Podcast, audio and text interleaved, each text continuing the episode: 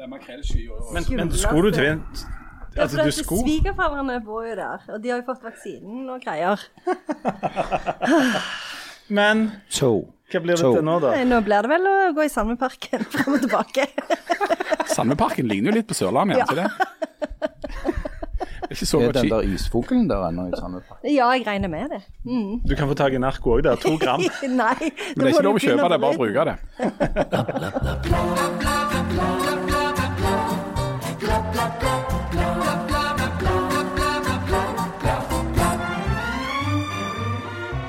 Hvordan skal vi egentlig forholde oss til kjendiser? Og Da snakker vi ikke om Harald Birkevolds 11 minutter på Kamp Kulinaris, men Britney Spears, Taylor Swift og de. Dessuten, ungene dine har 14 uker ferie, du har fem. Har du for lite, eller har ungene altfor mye?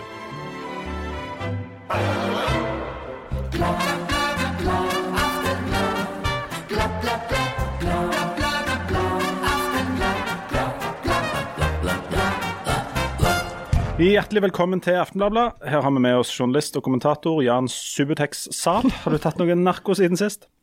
Jeg jobber jo med dette med rusreform og prøver å få reformert meg i mer rusa retning. Det går foreløpig veldig dårlig. Sammen med kommentator Harald, og er det nå så farlig med litt narko da, Birkevold? Og du forsynte deg av åpningene i rusreformen. Jeg, jeg, jeg, med begge hender, for å si det sånn. Og med, Hvem er du, forresten? Og med legens hjelp. Ja, ja, jeg har, jeg har hjelp av alle instanser når det gjelder dette. Eh, Professor eh, Janne Hasj-Ebæsj Stigen Drangsholt, du er fremdeles litt skeptisk til dette med narkotika? Ja, plutselig at jeg har blitt redd for å kjøre bil etter at vi begynte å blande sammen de ulike kampanjene i podkasten. Ja. Og Leif Tore Linde, høy på livet og Jesus, eh, som vanlig, tenker jeg. Du eh, har vel aldri vært lenger fra noen form for annen rus enn litt sterke kaffe. Ikke i hele tatt. Men jeg må, eh, når det gjelder det å blande sammen sånne holdningskampanjer på, på barneskolen, så var det min feil. For jeg tror jeg blandet sammen trafikk- og rusrelaterte Det er ikke tøft å være død. Ja. Og samtidig den der 'jeg vil ikke være med i Dassgjengen'-kampanjen. Det, det, jeg tror muligens det var to ulike kampanjer, men med det resultatet at jeg var livredd for Jeg gikk aldri på do på barneskolen, og jeg torde ikke sykle. Nå er det jo gode argumenter for å ikke kjøre bil i narkorus.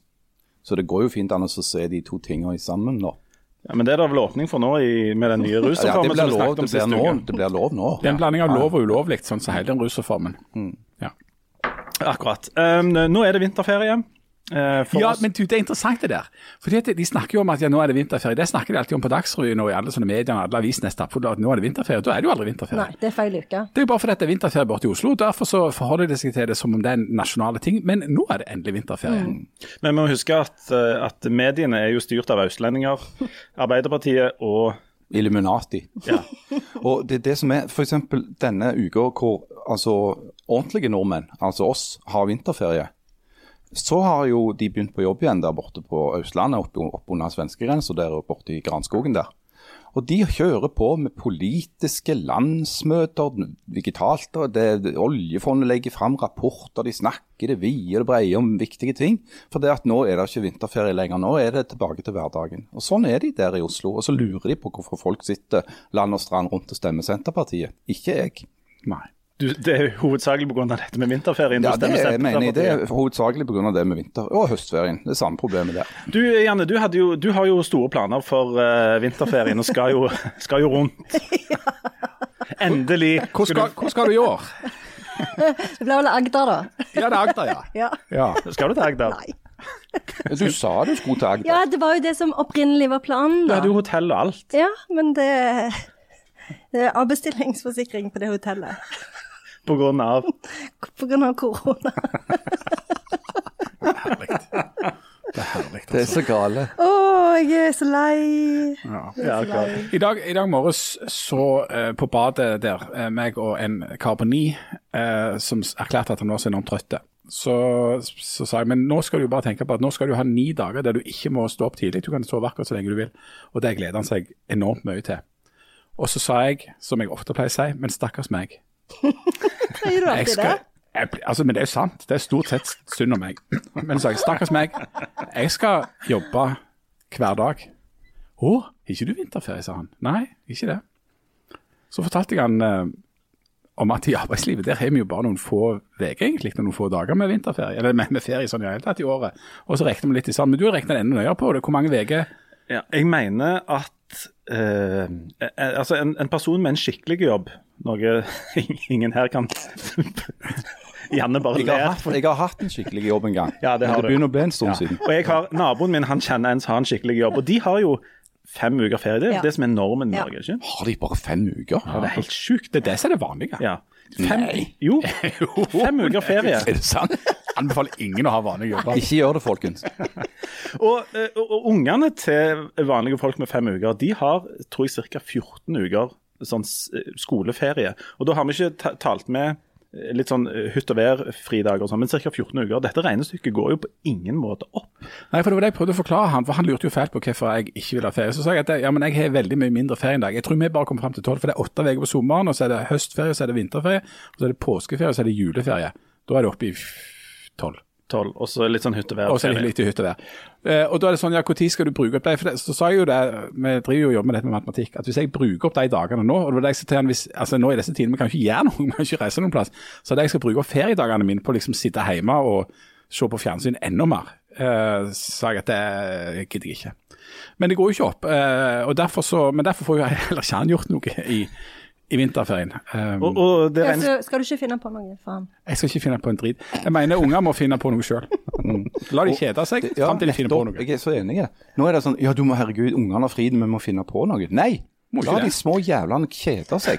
Ja, Det har de bare godt av. meg og deg, Janne, som er gode foreldre, vi har jo lyst å finne på altså at ungene Ja. skal ha det litt kjekt når de har fri. Men um, og dette blir, jeg jeg skjønner at dette blir veldig teoretisk for dere som jobber oppe på Ullenhaug og sånn, men eh, Jobbe hvis og du og mannen din hadde hatt eh, skikkelige vanlige jobber, ikke bare på en måte ja, så, så Jeg prøver å følge deg nå. Ja. Så hadde du hatt fem uker ferie, han hadde hatt fem uker ferie, ungene Og hvis du hadde tatt din ferie for seg, mannen din hadde tatt det for Ja. seg, så hadde fremdeles ungene hatt mer ferie enn dere to til sammen. Og da hadde de jo hatt to uker der de måtte finne på noe sjøl, fordi Mm. at dere drev med sånn aktivitetsopplegg i ti, fem uker eller ti uker.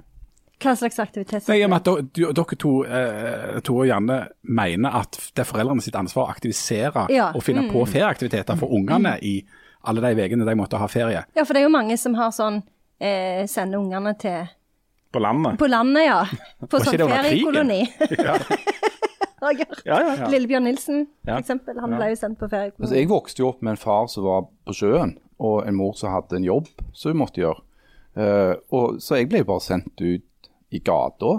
Nå ser vi jo hvordan det har gått med deg. Ja, ja. Men, jo, jo, jeg ser jo det, men, men jeg er nå tross alt her ennå, da. Sant? Men jeg ble sendt ut i gata. Mor mi lærte meg å lage dynamitt, husker jeg. Eller oh, ja. sprengstoff. Og etter, Ja. et, etter at jeg kunne det, så var jeg on my own, for å si det sånn. Og du kunne sprenge ting, og da var det greit. Ja, jeg kunne sprenge ting, og så kunne jeg uh, lage sprit i hjemmebrent apparat. Ja. Ja, Det er jo sånn basic eh, oppdragelse. Men det er jo sånn han eh, lille knerten dukker opp. fordi at det der er jo, når eh, de foreldrene der skal jobbe, så må jo alle bare ungene være utfor. For det, der jobber jo mor i en butikk eller noe. Og så er det sånn Nå skal du være her i åtte og en halv time, lille Ole. Eh, vær så god. Og så finner jo han først en sånn pappeske som er kjedelig, og så finner han jo en liten kvist, og så vips. Knerten er født, og han lever livets glade dager. Og det er jo, eh, Knerten er jo ingen, ikke noe argument for den rusreformen.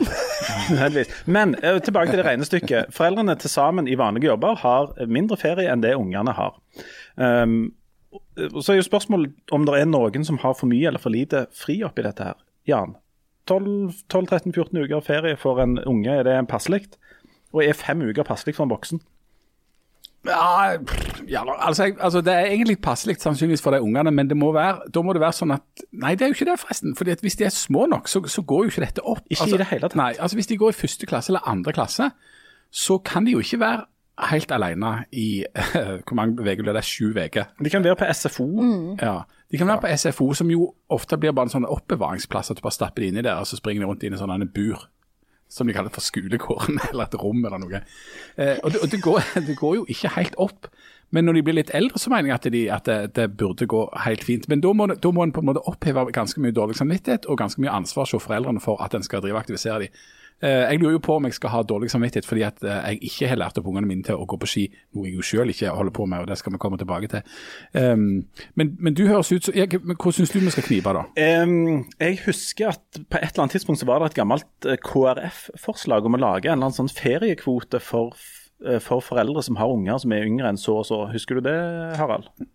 Du har jo tatt så mye rusmidler at du husker jeg, jeg, jeg, husker ikke det. Nei, men eh, jeg tror ideen var noe sånt som at hvis du har unger under 10 eller 12 år, så får du et par, altså så og så mange feriedager som du selv kan spre utover som et nytt sånn foreldregode. Og i litt sånn klassisk KrF-stil, bare hive ting som koster masse penger ut, og så tenke på det Men det er jo ikke en direkte dum idé, selv om jeg Nei. aldri har hørt om den før. Det er, ja. eh, nei, og, og Grunnen til at jeg kom til å tenke på han, er at jeg syns det er en god idé. og Det er jo ei knipe sånn som vi har snakket om før, med at folk får for få unger. og jeg tror eh, Av alle de der negative tinga det er å få unger, som er en lang liste, så er det der med, med at du på en måte føler at du ikke har tid gjerne til å ha de ungene, er er et reelt problem. da. Så en sånn en kvote, sier at du fikk eh, ti ekstra feriedager hvert år fram til ungen din er ti år. tror jeg er en kjempegod idé. Men det der med å ha tid til å ha de ungene altså, Du har jo gitt de ungene som du eventuelt har lagd, og den største gaven du kan få. Eh, Livet. altså Du har gitt de livet. Og det bør holde. Ja, altså Uten deg hadde de ikke eksistert. Og så skal de ha mer etterpå, liksom. Ja, det er jo et Det utrolig krav. skal ha, skal ha, skal ha. Men altså, jeg, jeg syns òg at vi, vi må være så ærlige i dette rommet. Og, og så henge av bjellen på katten her. For det er at grunnen til at ungene går og driver gatelangs uten å ha noe å ta seg til, skyldes jo ikke ungene. Det skyldes jo at de som egentlig skal passe på unger i dette landet, Lærerne. lærerne, aldri er på jobb. Å, ja, det, ja, det var det, ja. Der tror jeg vi mista ca. 1000 abonnenter. Men fortsett. Nei, altså De gjør jo ikke det skapte grann. altså De har jo alltid fri. Og da går jo ungene og, og driver gatelangs og ikke har noe å ta seg til. Ja, så hvis bare disse lærerne hadde begynt å jobbe like mye som andre folk, så hadde jo dette problemet løst seg sjøl. Hvis dere har innspill Det til dette, så kan dere sende de til harald.birkevold.aftenblad.no. Dere- Men um... Men altså, er det, dette er jo helt åpenbart. Det er jo helt innlysende at det er sånn det er. Hvis lærerne hadde vært på jobb, så hadde skolene vært eh, åpne, og ungene hadde vært på skolen. Problem solved. Harald, er finnes- Harald altså finnes òg på Facebook, bare så jeg må Ja. søke opp det. Men, men det kan godt hende at i hvert fall på en måte eldre unger, og ikke minst studenter, burde ha hatt lengre semester. Ja, i hvert fall studenter. Det husker jeg jo sjøl da jeg var Ja. student. Syns de var veldig lange, og så måtte jeg jo ta meg sommerjobb. Ja. Og det var jo veldig traumatisk. Jobba på Hotell Sverre For, for, for, for, for det er jo veldig ineffektivt Ja. for, for oss som elsker perspektivmeldinger.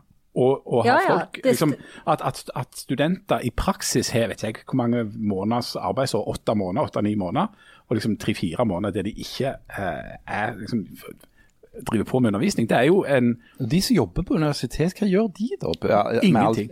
Absolutt ingenting. Hva er det egentlig de gjør der oppe? La, la oss høre med en Ja. representant for Ullenhaug. Nå har vi jo tilfeldigvis en som jobber i hermetegn, da. Eh, ja, Ja, kanskje en liten ting som å forske på metaforer. OK, ja, jeg trekker tilbake alt jeg sa. Jeg trekker tilbake alt jeg sa. Ja. Og vi beklager overfor alle som forsker på metaforer, hvis det var en antydning om at dere, dere jobbet for lite. Men eh, et litt mer konkret spørsmål, da. Er, er fem uker ferie passelig for et voksent menneske? Jan, du hater jo av ferie. Ja, jeg, jeg, blir jo, jeg blir jo litt galen på slutten der hvert år. Må nesten Men legges nå inn. kanskje litt i begynnelsen. Og, og kanskje litt i begynnelsen. Ja. Først må jeg roe meg ned, og så eh, roer jeg meg altfor mye ned. Og så blir jeg sånn der eh, ja, brakkesjuke og, og ikke det å være i hus Kjøpe. Crocs. Ja, Så sier. Hvis du har, Jan, har fem uker, så den første uka er bare drit, for da har du ikke vent deg til det. Og så har du sånn ca. to helt greie uker, og så de tre siste er bare elendighet igjen. Ja, egentlig det. Og vi, og vi, her, vi kan vel avsløre at vi har seks uker ferie i løpet av et år. Som Har du bare seks uker, du? Jeg har mer enn det òg. Ja. Men jeg klarer ikke å bruke det opp. Det er jo det som er problemet. Jeg har jo en svær bank av, av avspasering som jeg burde tatt ut, men jeg klarer ikke å ta det ut. Men Hvis jeg klarer å, å leve i to år til, og uten å liksom ta en overdose eller bare dø, eh, så får jeg enda en uke ferie, har jeg forstått. Så men- da er jeg blitt 55. men sjansen for det er Ja, jeg tror det. Jeg tror det er når du er 60. Er det når du er 60? Ja, ja. Sjansen for at du når 60 Harald er slim to none, så det får være grenser for hypotetiske Jeg vil ha når jeg er 55. Jeg òg vil ha. Ja, men, men, det, er- men det er vanskelig å si hvor lenge, hvor, hvor lenge eller hvor mye ferie en bør ha. Og det er vanskelig å si hvor mye arbeid en bør utføre i løpet av et år. Akkurat nå, jf. perspektivmeldinger, så er jo problemet ikke i Norge at en har for mye fri, men at en jobber for lite. At, eller, altså at, at den samla det er for lite jobbing. Og det er for mye som skal finansieres Eh, og det regnestykket går ikke opp. sånn at akkurat nå er ikke tidspunktet for å innføre veldig mye mer fritid, så vidt jeg kan se. Men nå ble jo, når med korona, så ble jo ferie Når du ikke kan reise til Agder engang, så ble jo ferie det samme som hjemmekontor. Men det, som Det ble jo ingen forskjell. Men det som forkludrer hele denne, her, denne her forestillingen om at hvis vi bare var mer på jobb, altså flere timer på jobb, så ville det løst problemene, det er jo dette med produktivitet da, og verdiskaping som eh, kommer inn i bildet òg. For du kan jo ha en jobb, sier du har en eller annen jobb, ikke jeg, så der du liksom tjener massevis av millioner i løpet av to minutter. Så kan du jo egentlig bare sitte og tvinne tommeltotter resten av dagen. Eh, og har vært mer produktiv enn en stakkars eh, vernepleier som har vært på jobb nå i åtte timer pluss tre timer overtid. Så. Ja, og Jeg argumenterer jo ikke for at vi skal innføre nitimersdagen eller tolvtimersdagen, men problemet er jo å, å at, at, ha et arbeidsliv som gjør at flere kan jobbe. Ja. Ja. Men hvis du vil ha flere i jobb, så kan det jo òg være at de som jobber, må jobbe kortere dager. Altså, det, er jo, det er jo massevis av forskjellige modeller som fører fram til det samme målet. da. 60-timersdagen kan du heller ikke innføre. Bare les det regnestykket i perspektiv, men det går iallfall ikke opp. Nei, det går ikke. opp. Der er vi på linja. OK. Du, vi, vi forlater vinterferien der, men du Janne, du, du gleder deg fremdeles til å ha litt fri? Ja. Ja. Selv om du ikke får reise helt til Agder? Jeg vil ikke snakke mer om det Nei, nå. Jeg sa ja, det var nok. Ok, La oss snakke om en annen, en annen eh, liten eh, artighet. Um, de biblioteksansatte i teamet, det med lederne, kan nå uttale seg om f.eks. jordvern, um, etter den saken som har vært der. Men er det, kan sånne saker alli- allikevel skremme folk til å holde kjeft i kontroversielle saker, Harald Birkevold? Det er klart de kan, og, og det skjer jo òg i stor grad. altså Du må fortelle, du må ha litt bakgrunn. Ja, her, Man må ha litt kontekst kan- her. For Ja, det, som er greia, det du viser til her, Leif Tore Lindø, det er jo at uh, biblioteksjefen i Time ble kalt inn på teppet hos eh, kommuneledelsen, altså den administrative, ikke den politiske ledelsen da i teamet. For det at hun hadde vært ute og uttalt seg når det gjaldt planene om dette datasenteret ute på Kalberg. Eh, og, og blitt tatt bilde av med et sånt ansattkort for Time kommune rundt halsen. og det var, Hun var imot dette, da. Og det har du fått beskjed om var et brudd med Time kommune sin kommunikasjonsstrategi. Og hun ble bedt om å ha en mer tilbaketrukken rolle da i, i den saka, i og med at hun da jobber i, i, i den kommunen der ute. Eh, og det skulle de jo aldri ha gjort. Enkelt og greit. Ja, greia er at uh, I Norge så holder vi oss bl.a. med et lite dokument som kalles Grunnloven. Og I det lille dokumentet så står det at uh, folk har lov å, å snakke. Det, det er noe som vi kaller ytringsfrihet i Norge. Den gjelder òg for biblioteksjefer. Eh, og det er ingenting i Altså, det betyr ingenting om Time kommune har en kommunikasjonsstrategi. Den er uansett underordna Grunnloven. som Dette, gir- og dette er du helt sikker på? ja, jeg er helt sikker på dette. Som gir biblioteksjefen anledning til å ha meninger. Men dette er veldig interessant, for ytringsfrihet er jo sånne honnørord som vi snakker om på 17. mai. Og så er det ja, finnes det det, eller finnes det ikke det? Og det finnes jo det i Norge, men det er allikevel Og, og en snakker om grenser for ytringer. Det er, det er jo veld, noen veldig få grenser for hva ytringsfriheten altså hva du kan si for noe. Eh, Du kan altså, eh, du kan altså ikke oppfordre til vold og, og altså, Det er en forskjell mellom å ha en holdning og oppfordre til en handling, f.eks. Um, Det er heller ikke lov å hetse og ærekrenke folk. Lærere, f.eks.? Eh, ja, det er et unntak, da. Men, nå har jo ikke jeg gjort annet enn å påpeke at de aldri er på jobb. Så Mer faktaopplysning Ja. du driver med? Okay, ja. Men samtidig så, så, som det da er noen sånne grenser for hva du kan si, så er det likevel sånn at spesielt kanskje i arbeidslivet, uh, så er det litt sånn komplisert. Hva kan du si, og hva kan du ikke si eh, som arbeidstaker? Altså, eh, Det kan være at du jobber i, i det private, eller, kan, eller da ikke minst i offentlig sektor. Og Offentlig sektor er altså staten som skal iallfall røkte om ytringsfriheten. Og Der eh, støter du plutselig på sånne ting som en kommunale kommunikasjonsstrategi. Men hvis det skulle være sånn at alle som jobbet i det offentlige, en kommune eller i fylket eller i staten, ikke skal kunne uttale seg om politiske spørsmål eller engasjere seg i, i eh, på en måte den daglige debatten og ha en mening, da hadde det jo vært langt, langt, langt ute å kjøre. Og det rare, det oppsiktsvekkende her er jo at magefølelsen i, i administrasjonen i time ikke har slått inn på et tidligere tidspunkt. At det altså måtte bli avisoppslag og baluba. Og klage til sivilombudsmann. mm. Nei, det er ganske spesielt. Det er jo òg sånn at det er, det er lett tror jeg, å blande sammen dette med at du har regler om taushetsplikt. Eh, Med gode grunner. Altså Folk som har jobber i det offentlige og andre steder hvor de f.eks. har tilgang på personopplysninger. Ja. Eh, De har taushetsplikt, for de har ikke lov å snakke om dette her hvis de kan røpe ting om andre personer. Eh, Det, det er jo nokså selvsagt at det er sånn, men det har egentlig ikke noe med ytringsfrihet å gjøre. Det har noe med personvernet å gjøre, som er et annet, en annen rettighet folk har, som faktisk òg er nedfelt i Grunnloven.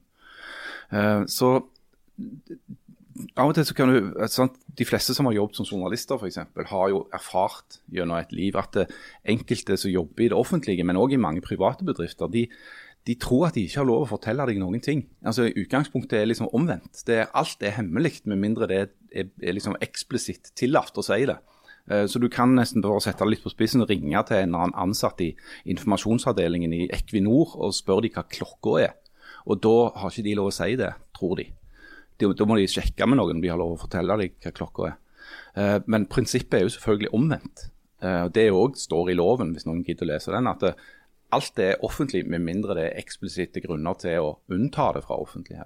Janne, kan du si hva som helst om din arbeidsgiver uten å bli kalt inn på teppet? Har du noen blitt, gang blitt kalt inn på noen tepper? Nei, jeg har ikke blitt kalt inn på noe teppe, men jeg eh, eh, vil jo tenke meg om før jeg uttaler meg i øst-vest om universelle ting. Altså, du har jo Som arbeidstaker så har du jo det som heter en lojalitetsplikt til, til, til den arbeidsgiveren du har. Men Det er heller ikke en diskusjon som dreier seg om ytringsfrihet i og for seg. For det at eh, Hvis du f.eks. jobber i en bedrift, så har du ikke lov til å fortelle om forretningshemmeligheter i den bedriften til noen andre. Eh, det, har, det, det er ikke noe du kan påberope deg ytringsfrihet hvis du bryter.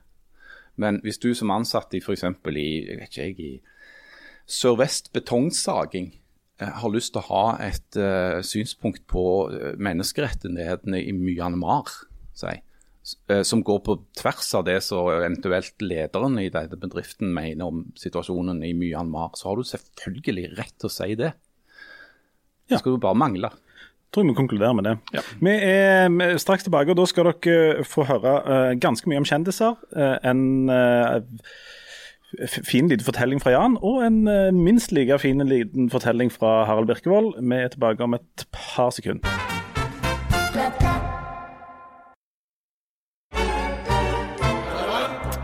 Hjertelig velkommen tilbake til Aftenbladet. Eh, Jan, vinterferie og skisport, vil du si at det er ditt, din lekegrind? Nei, det vil jeg ikke si. Altså, jeg, tenker, jeg, jeg tenker jo at du er jo bygd for skisport.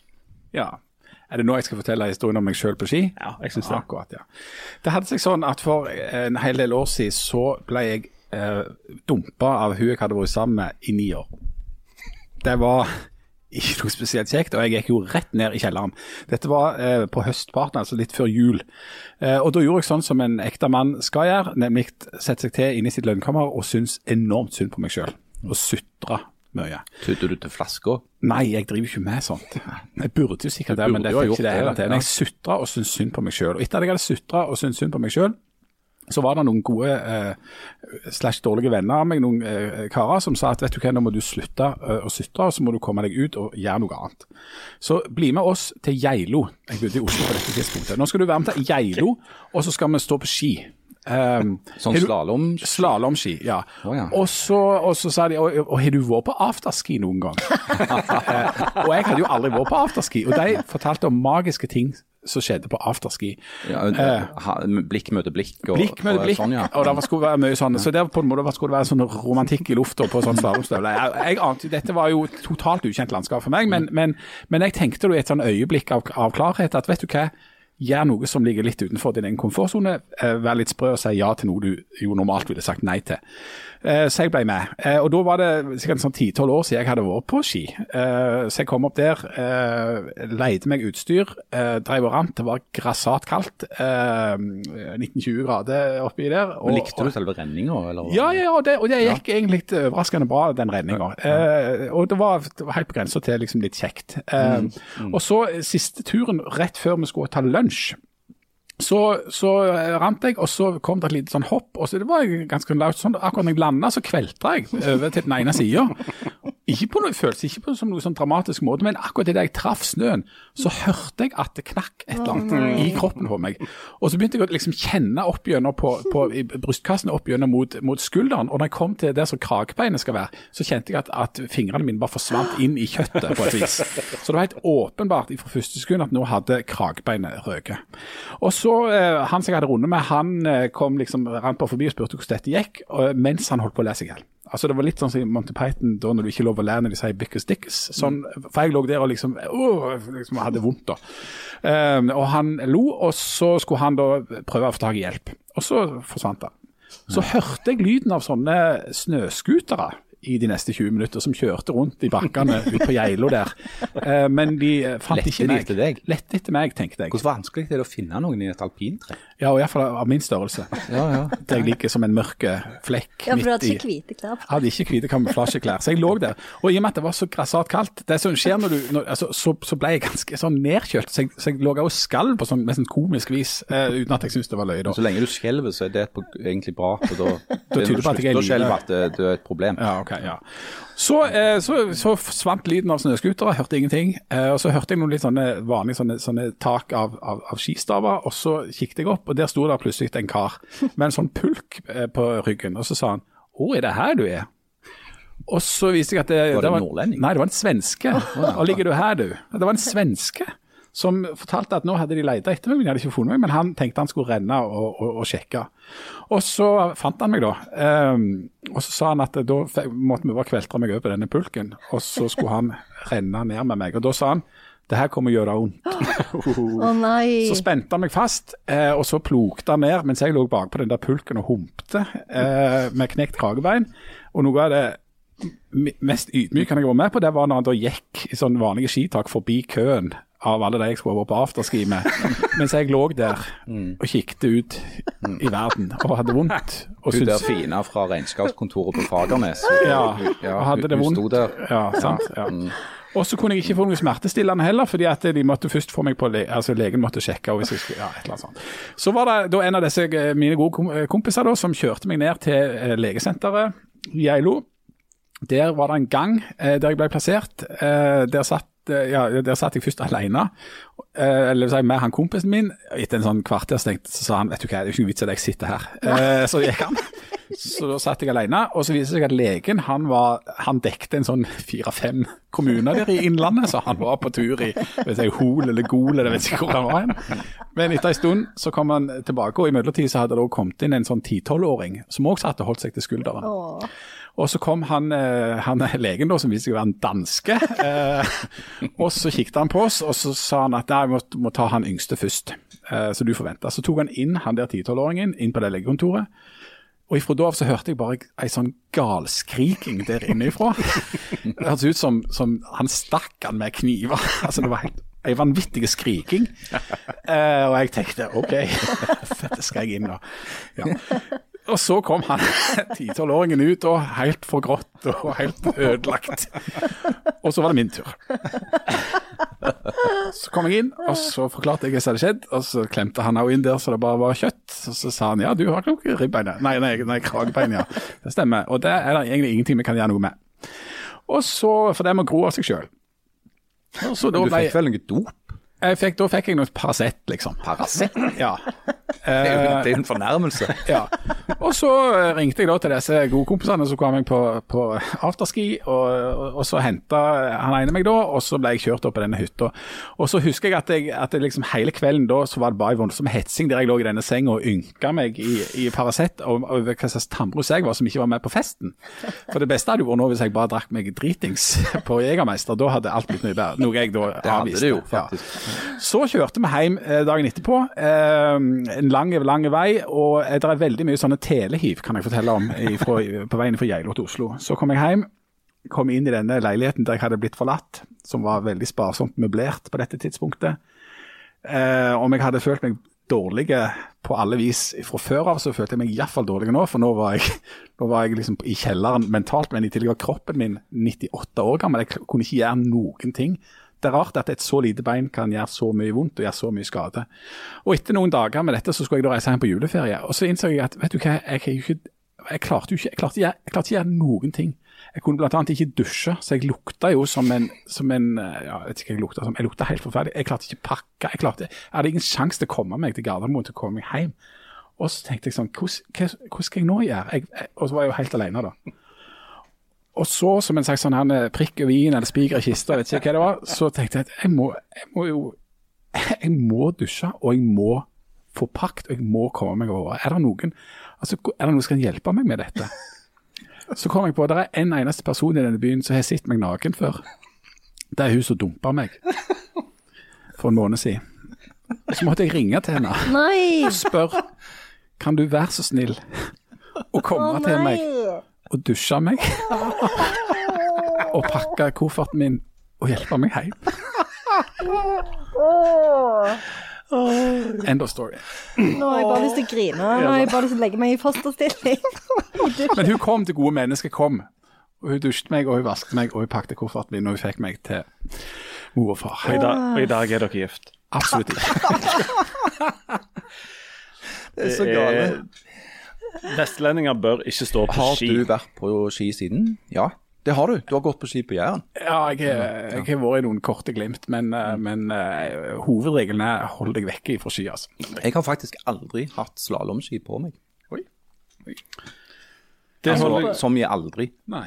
Jeg holdt på å dø i Alpene en gang. det skal du fortelle om en gang.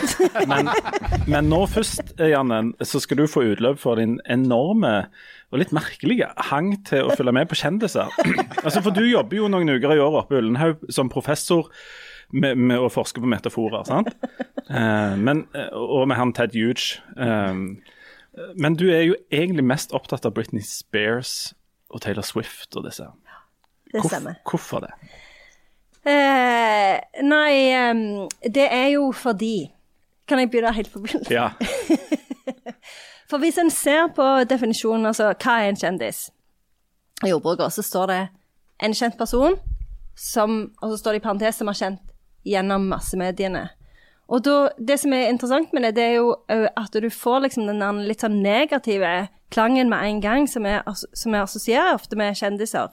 Eh, fordi at det, For det første så står det jo bare at det, det er bare en kjent person. Eh, og for det andre så kobles jo massemediene inn, og det er jo òg sånn problematisk. Eh, og så er det jo òg dette her med at eh, hvis en tenker på den første kjente personen sånn historisk sett, så er jo det en som heter Herostratus, som satte fyr på Artemis-tempelet i 365 før Kristus. Eh, og han gjorde det visstnok bare for å bli berømt. Og så det myndighetene gjorde da, det var jo at de drepte han umiddelbart. Eh, og så gjorde de det forbudt at noen skulle nevne navnet hans. Og da ble han jo superkjent med en gang. Så Han ble vel nærmest herostratisk berømt. ja, det var jo akkurat det han gjorde. Så, det, da har han jo, altså, så det med å være kjendis allerede fra begynnelsen er jo en litt sånn problematisk status, da, fordi han, siden han ble kjent for å sette fyr på dette fantastiske tempelet, da. Men eh, sånn det som en, For det, ofte så snakker en jo om kjendiskultur eh, eh, i, i dag, at, det, eh, at vi liksom lever i en sånn kjendiskultur. Og det er jo fordi at det, en begynte jo å snakke mye om kjendiser når filmen kom til, og en fikk liksom blader som handla om med bilder av skuespillere sånn på begynnelsen av 1900-tallet. Men det som en tenker på som kjendiskultur, det oppsto jo ikke før på 1980-tallet. For da var det jo to viktige ting som skjedde. En fikk MTV, og en fikk TV-serier. Eh, og det er jo på en måte føler jeg er meg i et nøtteskall, fordi jeg elsker MTV. Det var det eneste jeg gjorde, å se på MTV. Eh, og eh, eh, elsker jo TV-serier. For det var jo sånn eh, TV-serier som sånn Magnum PI og Dallas og Dynastiet, eller Dynestyret, som vi kalte det i Sandnes. vunnet det? Dynestyret, det hadde jeg glemt, men det var det de kalte Ja. det. Ja. Og, så, og da hadde du jo plutselig masse kjendiser. Eh, og det som skjedde da, det var jo at en, en fikk masse En sånn oppblomstring av kjendisblader. Og da er det jo mange som mener at eh, etter hvert som det kom flere kjendisblader til, så trengte du jo flere kjendiser. Så det at det, da ble det en sånn vanvittig sånn oppblomstring i kjendiser eh, pga. at noen måtte holde det i gang. Og, ble, og nå i våre dager så er jo dette i tillegg eh, Så har du jo SoMe og all slags greier. sånn at det nå det som er nå For før kunne du jo liksom Han der postmannen som vant i Kvitt eller dobbelt, han var jo kjendis. Men nå er det jo sånn at Og han var jo kjendis lenge. Det var jo sånn, Han ble jo kjent igjen i Sandnes sånn tre år etter han hadde vunnet 49 000, eller hvor mye det var. Men nå er det jo sånn at når du er kjendis nå, så er du er kjendis mye kortere.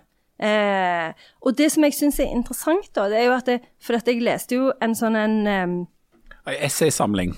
Nei, jeg leste en sånn kronikk på nrk.no denne uka, og der, den handla om Kim Kardashian og liksom eh, at hun er en sånn kjendis som ikke er kjent for noe. Men da misforstår du jo hva en kjendis er for noe. For du trenger ikke nødvendigvis å være kjent for noe. Du trenger bare å være kjent gjennom massemediene. Det er jo det som er hele poenget med å være kjendis. At det absolutt ikke trenger ikke ha gjort noe. Du bare er kjent. Det er det som er en kjendis. Ja, det var nettopp det du sa til slutt. Altså, altså det, Kim Kardashian er vel egentlig den egentlige kjendisen. Ja, sånn? det er hun som er kjendisen. hvis du f.eks. er si Taylor Swift, så er du blitt kjent fordi du lager musikk. Sånn? Eller hvis du er Barack Obama, så er du blitt kjent fordi du har vært president i USA. Eh, men Kim Kardashian er jo et sånn reindyrka kjendis, fordi at hun har faktisk aldri egentlig gjort noen ting. Hun har bare vært kjent, Mm. og hun lever av å være kjent. Og det er jo noe så fascinerende. Det er kjempefascinerende. Og så er det jo den dansen da mellom pers disse personene dette gjelder, og massemediene. Ja. Og det er da det er liksom litt aktualitet med det nå, for det at det har kommet en TV-dokumentar lagd av New York Times som ligger på nrk.no, som handler om Britney Spears. Um, og Hvis du går inn og ser på den, så ser du at det er et veldig tett samspill mellom mediene og kjendisene. Uh, kanskje litt i overkant tett, kan du si. For det som da har skjedd med Britney Spears, er at hun da har, blitt veldig kjent. Fordi at, men hun gjorde jo noe, hun sang, hun var jo god å synge.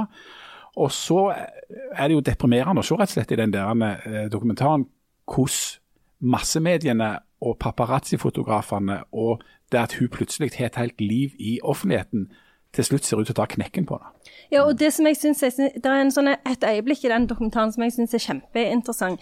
fordi at det, det er, På et øyeblikk så er det jo han der ene paparazzien som, han, som de intervjuer, han sier jo at det, ja, eh, med liksom, vi, eh, det var jo mange folk som leste bladene våre, og, og, de likte bildene, men på et eller annet tidspunkt så så vi at vi solgte flere blader hvis vi fikk sånn noen bilder av kjendisene som, hvor de var i sånn private situasjoner, eller hvor de liksom ikke så så fine ut, og hvor de liksom ble bare tatt bilder av på gata. Og det er jo, altså nå fikk jo eh, eh Britney, hun fikk jo breakdown i 2007. Eh, men dette her er jo liksom Dette var jo Dette starta jo med prinsesse Diana, selvfølgelig. Med disse her eh, kameraene som kunne ta bilder av henne mens hun var på en båt på Rivieraen og sånn. Og det er jo, og det er jo etter, for dette, Før, i begynnelsen, sånn som du hadde de der bladene i begynnelsen av 1900-tallet, så var det jo stiliserte bilder fra hjemmet, riktignok, men, men du, du, tok det liksom altså Det ble tatt så enormt mye lenger på et eller annet tidspunkt. Det er jo, det er jo der vi er nå. Det er jo de bildene vi vil ha nå. Mm. Men i, i, dag så har du jo denne nye, dette nye fenomenet, altså influensere. Eh, som jo har gått inn og tatt en del av den nisjen, av den kjendisnisjen. Eh, fordi at Det som ofte er veldig effektivt i, i det der influenseruniverset, det er jo at du på den ene siden påstår at du bare er et helt vanlig menneske. Og, og, og, helt ærlige. Det er veldig sånn, det er et av de nøkkelordene. Helt ærlig. Eh, der sitter de med liksom trynet fullt av Botox, men er helt ærlig. Eh, men, men, det er et eller annet fascinerende med det der med eh, at, altså hvor sterkt det der tiltrekningskraftet har. Eh, den der kikkermentaliteten som blir eh, tilfredsstilt ved at du liksom får et glimt inn i noen andre sitt liv. Helt inn. Du, de forteller om alt. Mm. Og, og liksom, nå, nå, skal de virkelig være ærlige og legge det fram. Eh, på godt og vondt. Og Jeg har også merka meg at en del av de aller mest, altså største, mest populære influenserne de definerer seg ikke som seg sjøl, men som kona til noen. Altså pilotfrue, eller hva de kaller seg. Kjendisfrue, fotballfrue. Altså, de, de har ikke engang en egen identitet i, i uh, i, altså de, Det er veldig rart, syns jeg. Men, men det, hele, tiden, hele konseptet bygger på at de bare byr på seg sjøl, da. Ja. Men, da, men, der er det jo en forskjell på de som er kjendiser fordi at de har gjort noe eller lagd noe type. Da Britney Spears, som er en artist, mm. som jo har all interesse av å bli kjent som artist. Det samme har du med Taylor Swift, sant, som har lyst til å bli kjent som en musikkskaper. Og så er det sånn, ok, Hvis du driver på med musikk, da. Hvor mye annet er det du skal bjude på der? Og Der tangerer vi jo faktisk litt av den debatten som har vært i det siste, om, om eh, TIX og om eh, kritikk og om, om alt dette. Eh, noe av det som eh, i den debatten som, som ja, OK, de er kjent for at de synger, men, men, mediene eller publikum er på en måte ikke fornøyd med at vi får se at de står på en scene og synger, eller liksom sitter og, og dibber takten etter musikken. Vi krever liksom, vi krever de private bildene. De beste bildene av Britney Spears er når, når det rabler for henne og hun går og barberer av seg håret. Altså, De lever plutselig en stor del av privatlivet sitt i offentligheten. og Det var jo ikke der de på en måte var ute etter. Og, og En interessant eh, forskjell mellom eh, Taylor Swift-dokumentaren eh, som er å finne på Netflix, og den om, om, Britney Spears, er jo at du ser at der er det en artist, altså Taylor Swift, som er veldig opptatt av å holde kontroll selv så mye som mulig på, på narrativet. Og hun setter grenser for hva det er hun forteller om. Når hun på et visst tidspunkt får en kjæreste, så, så går hun ut i offentlighet med hvem det er, og forteller ikke om det. Hun setter noen grenser. Men òg her i Norge eh, så har det blitt eh, sånn at og Det var jo et av de få poengene som han, Anders Grønneberg, som gjorde en svært dårlig figur på NRK TV, brakte fram. og Der ødela han jo sitt eget poeng fordi at han gjorde det såpass dårlig. Men han, det han som spiste pannebåndet. Han som spiste pannebåndet. Og han pekte på at det er jo sånn at, at, kjendiser, når de har et eller annet, eller musikere eller hva det skal være, når de har et eller annet de skal selge, et eller annet produkt de skal by på, så eh, går de ut i mediene og forteller om et eller annet traumatisk om sitt eget liv. At de har hatt problemer med et eller annet, eller at de har ja, mentale problemer, eller liksom, en krise de har vært gjennom. da og kritiserte da på en måte Tix for det. Altså Tix som er på Lindmo, som forteller om at han har hatt selvmordstanker og snakker om psykisk helse. Og så, Det henger tilfeldigvis sammen med at han skal ut på Melodi Grand Prix. Det som jo Anders Grønneberg ikke kommuniserer, det er jo at det er jo dette mediene vil ha. Altså Dagbladet slipper jo ikke til en person som har lagd ei plate som snakker om plata si. Eh, VG og altså de store mediene i, i Norge slipper ikke til artister som snakker om produktet sitt i det hele tatt. Det har jeg selv opplevd når vi ga ut bok, eh, roman om, om å få barn. Da var eh, spørsmålet ifra både forlaget og ifra de store mediene om jeg hadde noe privat å fortelle om der når det gjaldt dette å få barn, og om hvordan eh, jeg eller, altså, du skal, du, skal, du skal, fortelle noe annet som handler om deg og om noe, privat. Det krever mediene, og det, den dansen har òg kjendiser og, og, og, kunstnere gått inn i. Og da er du Vi, vi gjør jo veldig lite av det i, i Aftenbladet, heldigvis. Eh, men eh, store deler av medieverdenen handler om akkurat dette. Ja, og det er jo òg veldig interessant med den der Taylor, nei, mener Britney Spears-dokumentaren. For der er det jo sånn at hun Du ser liksom at hun For det som Altså, når hun ble kjent, det som en ville at unge kvinnelige For det, de sier, snakker jo om det at det, på den tida så var det bare boyband. Altså, hun var jo den eneste kjente kvinnelige artisten. Eh, og da var det jo sånn at det, eh, hva, eh, er det hun, hva er det mediene vil ha? Da vil jo mediene ha et sånn et kyskhetsløfte fra hun. Det var jo det de ønska på den tida. Eh, så det, eh, når hun blir intervjua, så er det jo er du jomfru, liksom, hvorfor viser du fram brystene dine, og eh, alle slags sånne spørsmål. Og så sier hun at ja, jeg holder på med dette nå, men egentlig så vil jeg jo bare gifte meg og få barn. Så det med at hun fikk et sånn et breakdown, og at hun ble liksom liksom et slags sånn eh, symbol på psykisk eh, eh, lidelse, på en måte, eller breakdown, da. Det var, jo, eh, det var jo noe som kom akkurat på den tida. Men det er jo noe som en ser nå. Det er jo på en måte den største salgsvaren en kan ha nå. Og jeg bare så eh, For jeg har ikke sett den Det har jo kommet en dokumentar om Billie Eilish nå, som jeg ikke har sett, men som jeg bare leste anmeldelsen av på NRK. Og da er det sånn der står at ja, hun er jo ganske kjedelig, hun er jo bare 17 år, liksom, hun bor jo hjemme og er litt gørr. Men så står det eh, at det, det, er bra at det, For det er mange private scener. Altså, det er mange slike private scener i denne filmen som gir følelsen av at vi får servert et ekte bilde av Billie Eilish ikke et imagefremmende produkt planlagt og kalkulert på plateselskapets styremøter. Men det er jo blant annet altså disse her private scenene, da. Det er jo blant annet det at vi får se at hun har Tourettes, eller eh, hun har en eller annen sånn lidelse som gjør at hun òg sliter psykisk. Hun er ikke liksom et velbalansert eh, menneske, hun heller. Hun sliter med et eller annet, hun har noen sånne demoner. Og det er jo på en måte den fremste salgsvaren en har i dag. Eh, og det er jo delvis pga. at det er mange som sliter med det, men det er jo òg fordi at eh, eh, det er jo det som har blitt liksom den nye 'jeg vil ha mann og barn'-fortellingen. Og det er jo på en måte òg det, altså det der minst kyniske, når du får se det sånn ekte ærlig, er jo Det kan du fort snu på og si at det er det mest kyniske, for det er det som slår best an. Og det er det som selger best og sånt. Og det er det som gjør denne, denne suppa så enormt komplisert, når f.eks. verdens uh, aller mest berømte person insisterer på å være helt vanlige, og sånn som meg og deg, samtidig som alle skjønner at det ikke er sånn. Um, og denne, den iscenesettelsen av seg sjøl, den har jo liksom gått ifra Sånn som du sier, for, for 100 år siden så handla det om å stå på et svært rødt teppe med to store hunder inne i sitt eget hus og bli tatt bilde av. Mens nå er den iscenesettelsen av seg sjøl å framstå som så vanlig som bare mulig. Eh, og Det gjør jo det der veld, veldig veldig komplisert. Den Tix-saken er jo også et eksempel på det at eh, eh, Tix kan jo òg veksle mellom å være en sånn en iscenesatt eh, person med solbriller inne, og en privatperson sin, som sliter med sitt. Og så har han på en måte privilegiet mellom å kunne veksle mellom de to, alt etter hvem som skyter på han og, og sånn. Og, og blir på den måten nesten litt sånn uangripelige. Og så fordi at det da handler om psykisk helse og sånne kompliserte ting eh, som det er. For det, du, du kan jo ikke si 'Å ja, nei, hold kjeft', eller et eller annet. altså, «Oi, Så du er for eh, psykiske altså, det, er helt, det, det blir helt uangripelig. Men samtidig er jo han mannen bak tekster som at i kveld er det greit å være hore. Altså Han har hatt en språkbruk i sitt tekstunivers som er omtrent like gal som Anders Grønneberg sine anmeldelser i Dagbladet. Eh, Verre. Verre. Ja, og, og, Verre. det, og det tok ganske lang tid før han liksom gikk tilbake. Det var ganske mye press før han liksom Var vel i går at han Det kom i siste uke. Ja, siste uke, ja. ja.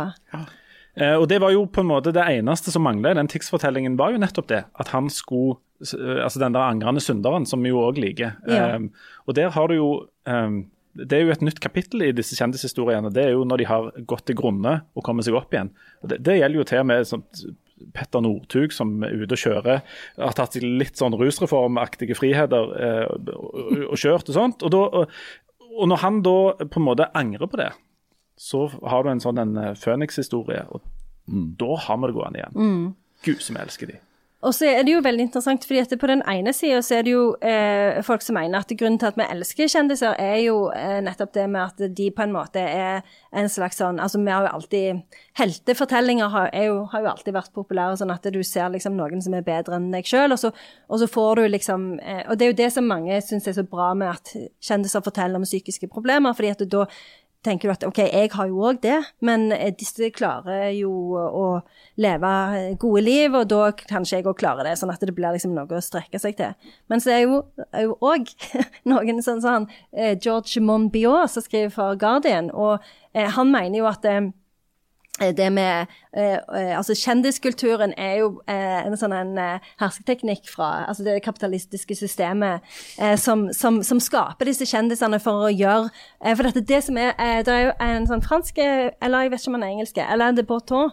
Han sier jo at eh, at kjendis, altså kjendiskultur har gjort det samme em, eh, altså det har, det har skjedd en sånn en omvurdering av det konseptet. sånn at det, Før så hadde du shopping, men nå har du materialisme. Eh, sånn at det har blitt noe sånn veldig negativt, som det bare er de med lite utdanning, eh, lav kjøpekraft, som lever veldig sånn passive liv. Det er bare de som på en måte innrømmer at de liker kjendiser og er glad i kjendiser, mens eliten, de som styrer samfunnet, de er jo ikke opptatt av kjendiser. Så- sånn at det er liksom det med kjendis, altså kjendisene er, er sona inn på de eh, som, som lever de mest passive livene, sånn at de skal føle at de har noe å, å holde på med. Eller, le, eller lærere, som Ja, Harald Birkevold kaller de. ja. Du, vi, vi skal gå inn for landing. Å, jeg gruer meg til denne. du, der er, eh, der er, dere bør bruke vinterferien selvfølgelig ikke til å finne på noe. Ungene kan gå med for lut og kaldt vann, sånn som Jan sine. Og så bruker dere all tida på å se disse dokumentarene. Altså Taylor Swift-dokumentaren som ligger på Netflix. Ja, den er veldig Miss bra. Americana. Eh, Britney-dokumentaren på NRK. Eh, Billie Eilish tror jeg er på Apple Pluss. Og så er det òg en interessant for de som vil ha enda litt mer, eh, kan se Tiger Woods-dokumentaren på HBO. Og de fire til sammen gir et ganske interessant bilde. og Det er helt, også helt sånn ulike innfallsvinkler og grad av deltakelse i de dokumentarene. Så dere må se de mens ungene er ute og ruser seg på eh, dette og hint. Og så eh, Mens de leker med en kniv. Ja, og nå har jeg hørt at det kommer en ny dokumentar om Tina Turner. Og ja. den gleder jeg meg til. Den eh, tar nok eh, nok i neste, neste ferie. Um, og så, eh, nå skal dere, Siden dere skal lære noe hver gang, um, Janne, kan ikke du repetere navnet på verdens aller første kjendis? Herostratus. Herostratus. Ja. Og han satte fyr på noe rape i Ja, Hellas. Ja, han var en skikkelig eh, drittfyr. Heldigvis henretta de han så fort han svint. Ja, akkurat. Um, Harald, du har lovt oss en historie som inneholder den kjendiser. Vi skulle jo egentlig ha kjendis, men du Nei, Han inneholder ikke noen kjendiser. Nei. Nei, det gjør han ikke. Uh, og, og, altså det, grunnen til at jeg nevnte den historien, det var jo at i, i forrige episode av podkasten så diskuterte vi jo bl.a. denne rusreformen. Eh, og så snakket vi om ja, neste uke er det jo vinterferie. Og så da kom jeg bare på en historie som på en måte kombinerer rus og vinterferie, på en måte. Eh, Hva og- kan gå galt? hva kan gå galt? Nei, for det at altså, Er det, er det lærere med i denne historien? For Nja, på en måte. Men, men veldig, på veldig sånn mal, malapropos. take it home. Men, men saken er da, altså, altså i motsetning til Jan, som jo har, har vært oppsøkt snøen bare sporadisk og, og, og relativt motvillig, så har jo jeg vokst opp på fjellet i den forstand at alle Fordi far min var i mange, mange år sjømann. Sånn at når han hadde fri, så, så ville han så langt vekk fra sjøen som mulig. Eh, sånn at alle ferier ble tilbrakt eh, fortrinnsvis i Suldal, da, på fjellet. Eh, alle påsker, helt ifra jeg var et bitte lite barn. Jeg tror Første gangen jeg var på fjellet i påsken, så var jeg sånn halvannet år. og så Siden har jeg vært der sånn hvert år. Og vinterferie og alt sånt. Eh, og der oppe på, på fjellet så, så gikk jo vi ungene òg for, for lyd og kaldt vann. Da, på en måte. Vi ble jo bare sendt ut i denne snøen for å forholde oss til den. Eh, Vi fikk jo mat og altså sånn, men, men, eh, men av og til så, så hadde de jo de voksne sånn voksentid. da. Eh, og det, det som da skjedde denne ene gangen, eh, som, som jeg tenkte kunne være en altså dette er heller ikke, altså I likhet med mine andre historier fra galeien, så er ikke dette en historie som er ment for å være en reklame for rusmidler på noen som helst måte. Men det, det er bare en illustrasjon på, på hvordan det av og til kan gå, rett og slett, her i livet. For det, det som skjedde da, det var at vi hadde eh, altså det, Der oppe som foreldrene mine da har hytta, som jeg har hytta nå, eh, det er et område hvor, hvor hyttene er få og ligger spredt. Det er ikke noen vei, der altså, du må gå. Eh, sånn at, og Det er et relativt godt samhold da, mellom de få eh, eksentrikerne som har hytta i dette området. De besøker hverandre, har sosial omgang, som det heter. Og sånn. Og En gang da så hadde, hadde vi vært på hytta til en som heter Tor. Eh, og det med Tor det var at han, han er veldig sjenerøs og gjestfri eh, vert, men, men veldig klønete. Altså, han Helt upraktiske mann. Og Han hadde behov for å få innreda en hems, eh, og slått opp noe, noe panel på den hemsen. Og, og Dette hadde far min sagt ja til eh, å være med på. Uh, og en person som skal være anonym i denne sammenheng, men vi kan kalle han for onkel Egil. Eh, så, så far min og denne personen, som kanskje, kanskje ikke var onkel Egil, de befant seg da eh, på toppen av en slags hønsestige opp på en hems, hvor de lå og eh, spikra. Eh, og for og onkel Tor, da, Gud velsigne han, han hadde da eh, funnet ut at siden de gjorde han denne tjenesten, så kunne han iallfall sørge for forfriskninger til disse herrene. Eh, som da på dette tidspunktet var menn litt yngre enn det jeg er nå. Ja, før, midten, midten av 40 år. Sier jo ikke så mye. De er under 60. Ja, midten av 40 år, tenker jeg. Uansett, da, så, så lå de oppe på denne hemsen og spigra, og han kom springende hele veien med sånne brett med genever og akevitt som han sendte opp hønsestigen til snekkerne. Og stemningen steig noe voldsomt der oppe, med, kunne vi høre da med ungene så gikk for lyd og kaldt vann.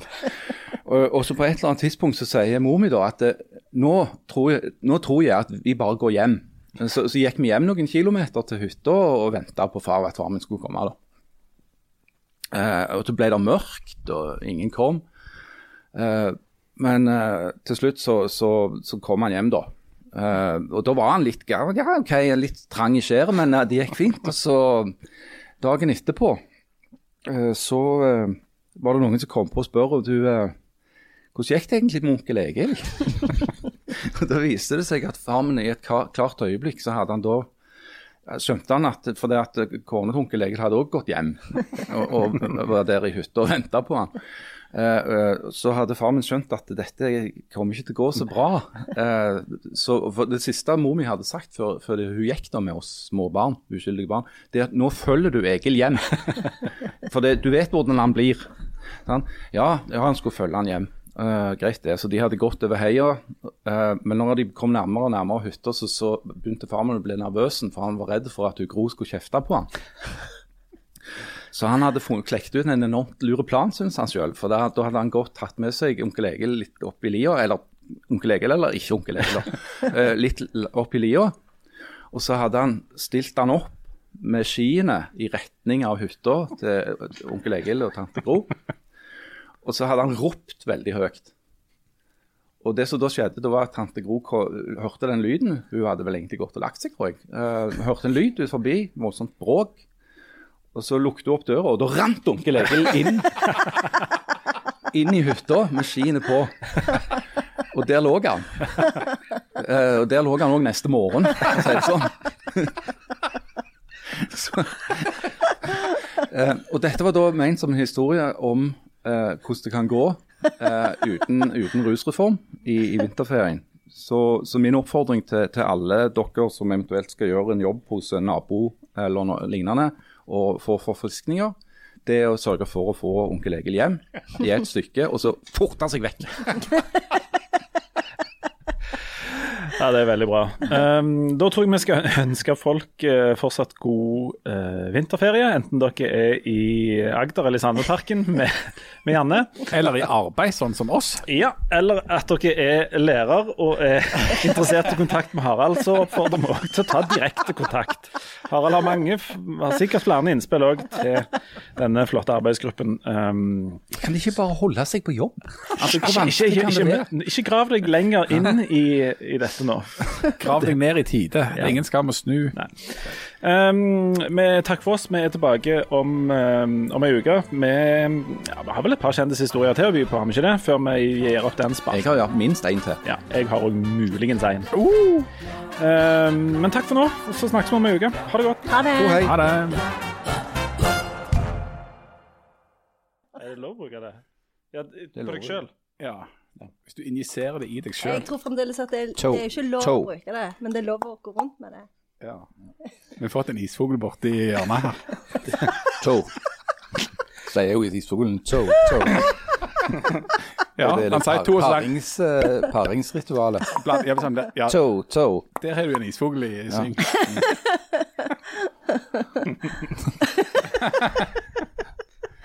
Ja det er vel. Funny. Nå ser jeg en liten isfugl. Du kan så mange sanger. du, som flyger lavt på gylne vinger. Mukker ned. Så mukker jeg rett ned. Og er hender. Det er jo sangen til Janne, dette. Nei, den sangen der, den, om den handler om konemishandling.